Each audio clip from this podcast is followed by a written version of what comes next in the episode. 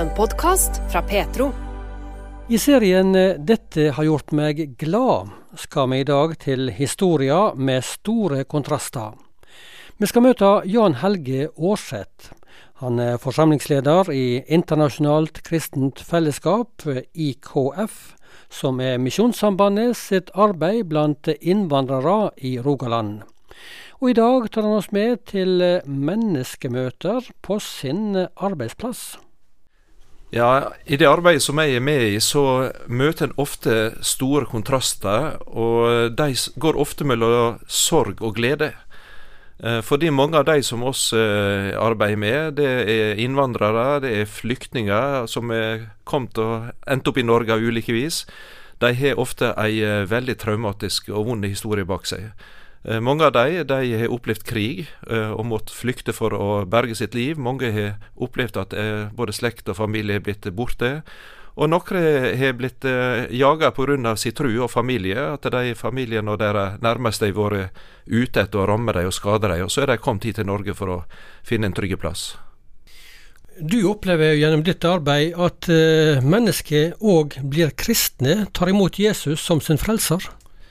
Ja, det er det, egentlig det eh, store kontrasten og det merkelige i det. For eh, noen av disse som har slik ei vond historie og, og kommer fra land som er fullstendig imot alt som har med kristen tro å gjøre, og er fiendtlig og står på liste over eh, land som forfølger kristne, de de blir da kristne og møter Jesus og får et vitnesbyrd her i Norge som er veldig unikt.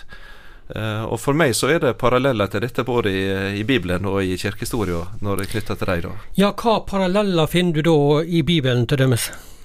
Ja, Den sterkeste historien knytta til det er nok eh, Josef fra eh, første Mosebok. Ja, den her ene av disse mange brødrene som vi hører i Gamle testamentet. Ja, det er Jakob som er far til alle disse. og så Det er en lang historie og skrev mye om hans eh, ekteskap med Lea og Rakel, de to konene, og alle disse sønnene. Men det ender opp i et veldig fiendskap og et uvennskap og misunnelse med brødrene mot denne eh, yngste Josef, som da er favoritten til far. Eh, og det ender opp slik at de først vil de drepe han, men de ender med å, å, å selge han som en slave, og han blir da tvungen som en 17-åring til Egypt og borte fra far og mor. Han ser ikke att mor si igjen, for hun dør seinere når Benjamin blir født. Men han ender opp som en slave og en tjener, og ikke mer enn det. Han ender opp rett og slett i, i fengselsopphold og blir satt inn i ei celle der. Og Da vet jeg at det der er asylsøkere her i Norge som snakker om asylmottaket som Guantánamo, altså dette er fangeleiren vår. og Litt sånn parallell til det med Josef opplevde. Eh, så hans egne vendte seg mot han, og eh, livet fikk en fullstendig annerledes vending i et fremmed land for en tenåringsgutt. Ja, men var det noe å spore her av eh, det som kunne være gode ting, midt oppi alt det vonde? Ja, altså det som når du leser Josefs historie, det er nå at dette vonde og alle de år i mørket, og en kan tenke på angsten som man måtte kjenne på, og frykt, og, og, og, og klager opp til Gud. Hvor er Gud oppi dette her? Så ser vi på slutten, når han da får være redskap og, og berge eh, altså Jakobs heim og familie og brødrene sine eh, med mat som har hungersnød, og berge dem slik at de overlevde. Eh, så er det, det rare er da at Josef han sier det til sine brødre etter hvert i den lange historien, at det var ikke dere som sendte meg, men det var Gud. Uh, og han har dette i, slutten av Moseboka, i første Moseboka, at vær ikke redde, det tenkte å gjøre meg vondt, men Gud tenkte det til det gode, og ville gi liv til et stort folk, eller berge liv til mange mennesker. Derfor skjedde det, sier Josef. Så han får se at det var ei trygg, uh, frelsende hand i de aller mørkeste punktene, som bar gjennom, og hadde en, en, en tanke om dette vonde, vanskelige år og liv som man hadde levd, for å gjøre noe godt mot andre.